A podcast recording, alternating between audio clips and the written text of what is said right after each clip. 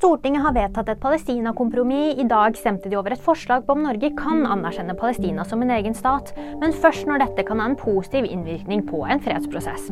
Forslaget kom fra Ap og Sp og fikk i dag flertall på Stortinget. Tyrkia utsetter Sverige-avgjørelse. Landets utenrikskomité har ikke kommet til enighet om Sveriges Nato-søknad. De vil derfor fortsette å behandle saken senere. Denne komiteen må godkjenne forslaget før Tyrkias nasjonalforsamling kan stemme over saken. Her kan det bli stengte veier. Det er nemlig sendt ut gult farevarsel for snøfokk i Sør-Norge. Dette gjelder fra lørdag kveld til søndag, og Meteorologisk institutt melder at det er lurt å være forberedt på mulig kolonnekjøring og stengte veier over fjellet. Og nyheter finner du alltid på VG.